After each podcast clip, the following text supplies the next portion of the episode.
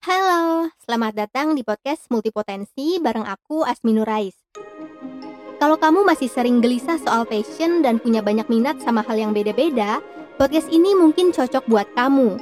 Di sini kita bakal belajar bareng soal menjadi seorang multipotensi, alias orang yang punya banyak ketertarikan dan creative pursuit atau semacam keinginan buat menciptakan sesuatu gitu. Jadi, ambil cemilan kamu, siapin alat tulis kalau diperlukan, dan selamat mendengarkan.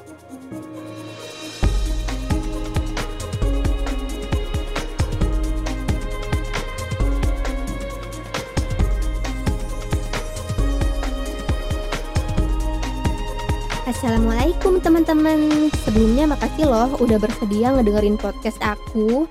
Buat yang belum sempat dengerin episode 1 Aku jelasin ulang dulu deh, singkat aja soal apa itu multipotensi, alias multipotentialite kalau di bahasa Inggris. Nah, multipotentialite itu adalah seseorang yang punya banyak ketertarikan sama creative pursuit. Creative pursuit itu kayak keinginan buat menciptakan sesuatu gitulah, berinovasi gitu kan. Nah, multipotentialite ini dikenal juga dengan istilah scanner yang artinya seorang generalis yang punya rasa penasaran dan ketertarikan intens sama banyak hal, dan dia nggak bisa jadi spesialis dengan milih satu hal aja. Aku tuh pertama kali tahu kalau aku ini termasuk golongan multipotensi sejak temanku ngasih tontonan di YouTube di channel TED Talks dari Emily Wapnick yang judulnya Why Some of Us Don't Have One True Calling gitu atau Kenapa sih ada sebagian dari kita yang gak ngerasa punya panggilan jiwa atau passion terhadap satu hal? Nah, si Emily Wapnick ini dia seorang penulis, songwriter, filmmaker, dan pernah jadi web designer padahal dulu kuliahnya jurusan hukum. Dari dia tuh aku mengenal istilah multipotentialite ini, terus mulai baca buku-buku dia, eh enggak, buku dia satu doang, sorry. Judulnya How to Be Everything. Terus aku tuh mulai baca buku-buku pendahulunya yang ditulis oleh Barbara Sher. Beberapa bukunya tuh kayak Being a Scanner, Review Reviews to Choose, terus apalagi ya, pokoknya si Barbara Sher ini yang ngenalin istilah scanner lah. Dan di episode kedua ini kita bakal sama-sama belajar soal apa sih tanda-tandanya kamu termasuk orang multipotensi. Perlu dicatat, kalau aku ngerangkum ciri-ciri multipotensi ini dari buku yang ditulis mereka berdua, si Emily Wapnick sama Barbara Sher ini. Ya, ditambah pengalaman pribadi aku lah. Jadi ini bukan pure opini dari aku aja. Oke, langsung aja. Yang pertama adalah ketika ngomongin passion, kamu selalu ngerasa ada yang salah dengan diri kamu. Kamu tuh pernah pengen banget jago sesuatu atau bahkan pengen menjalani profesi tertentu tapi lama-kelamaan ketertarikan itu tuh kayak memudar dan datang ketertarikan baru ke hal lain. Kalau beruntung, kamu bisa memadukan keduanya jadi sesuatu kegiatan gitu. Entah itu karya atau jadi profesi baru. Ya kalau nggak beruntung paling dijadiin kegiatan sampingan yang dilakukan di waktu senggang. Kayak hobi lah gitu. Nah, kalau kamu ketemu teman lama atau kayak guru SD gitu atau teman SMP yang pokoknya teman lama lah gitu yang pernah kenal sama kamu, orang itu tuh kemungkinan besar bakal bingung.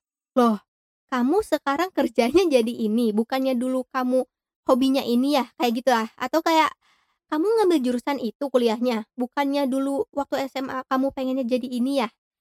Nah, rasa bersalah ini tuh terhadap kebingungan itu sering kali bikin kamu ngerasa Wah, ada yang gak beres nih sama diri aku. Aku tuh beda dari yang lain gitu, soalnya orang lain tuh kayaknya udah tahu mau ngapain dalam hidupnya. Sementara aku nggak bisa milih, nggak bisa bingung gitu kan.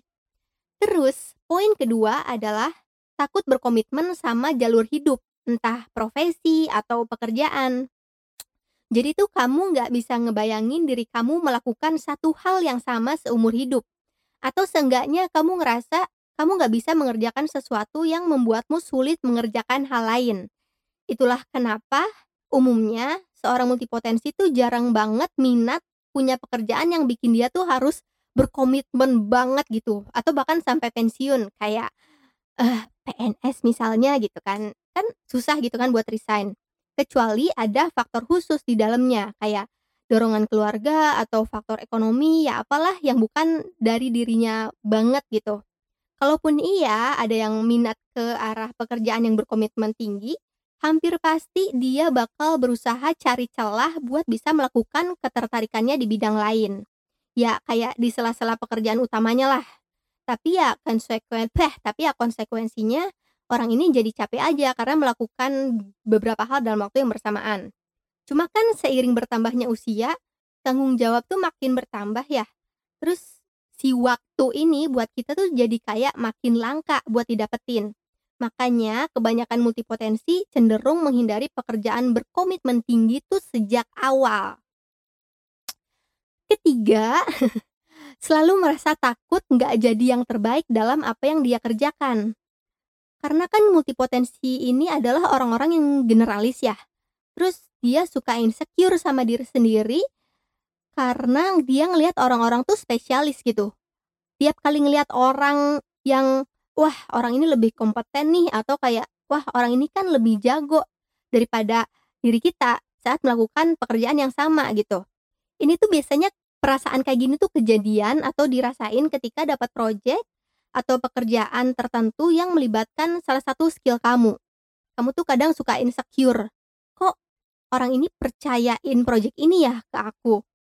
orang ini pengen aku ngerjain ini ya aku sih emang bisa ngerjain ini tapi nggak bisa sejago si Anu misalnya si Bambang gitu yang udah bertahun-tahun di bidang ini yang dia tuh udah spesialis banget lah atau kalau projectnya e, kamu yang mulai sendiri kamu suka ngerasa duh ngapain sih aku sok-sokan bikin project ini?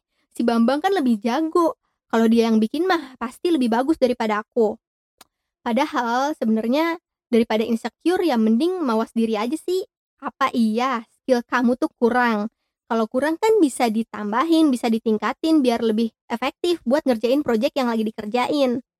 Kadang ya suatu project tuh nggak butuh jago banget dulu biar bisa sukses biar bisa beres projectnya yang dibutuhin tuh ya efektivitas saat ngerjainnya supaya project itu tuh selesai sesuai target sesuai tujuan gitu kan lagian kalau pengen jadi jago banget tuh ya mustahil juga sih kalau menurut aku. Soalnya kalaupun skill kita nambah, kalaupun skill kita meningkat, pasti tuh kita bakal nemu orang lain yang jauh lebih jago lagi gitu. Dan itu tuh nggak bakal beres-beres sebenarnya, ya nggak sih? Keempat, sering merasa bersalah sama diri sendiri ketika mulai meninggalkan meninggalkan sesuatu dan beralih ke minat yang lain. Nah, Hal ini tuh biasa terjadi ketika kamu udah mencapai tujuan dari salah satu ketertarikan kamu. Misalnya, dari dulu tuh kamu pengen, ya aku sih, pengen jadi jurnalis gitu. Terus udah kesampaian sampai kuliah segala, tapi setelah dijalanin ternyata aku tuh punya ketertarikan di bidang lain dan pengen juga ngejadiin kegiatan lain itu sebagai sesuatu yang produktif gitu atau menghasilkan. Nah, ini tuh kalau kamu ngerasain ini, terhadap suatu kegiatan atau suatu passion, sebenarnya kamu tuh ngerasa penat cuma ngejalanin keseharian sebagai satu hal itu gitu. Tapi ya kamu denial aja dengan bilang, "Ayo, ingat dengan alasan awal kenapa kamu pengen di titik ini." Atau denial dengan ngomong kayak gini, "Bersyukur udah sampai sini.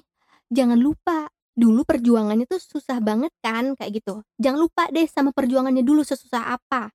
itu tuh denial tuh, kamu tuh mulai denial. Padahal kalau kamu sadar kamu itu seorang multipotensi, perubahan passion atau ketertarikan itu tuh wajar banget dirasain.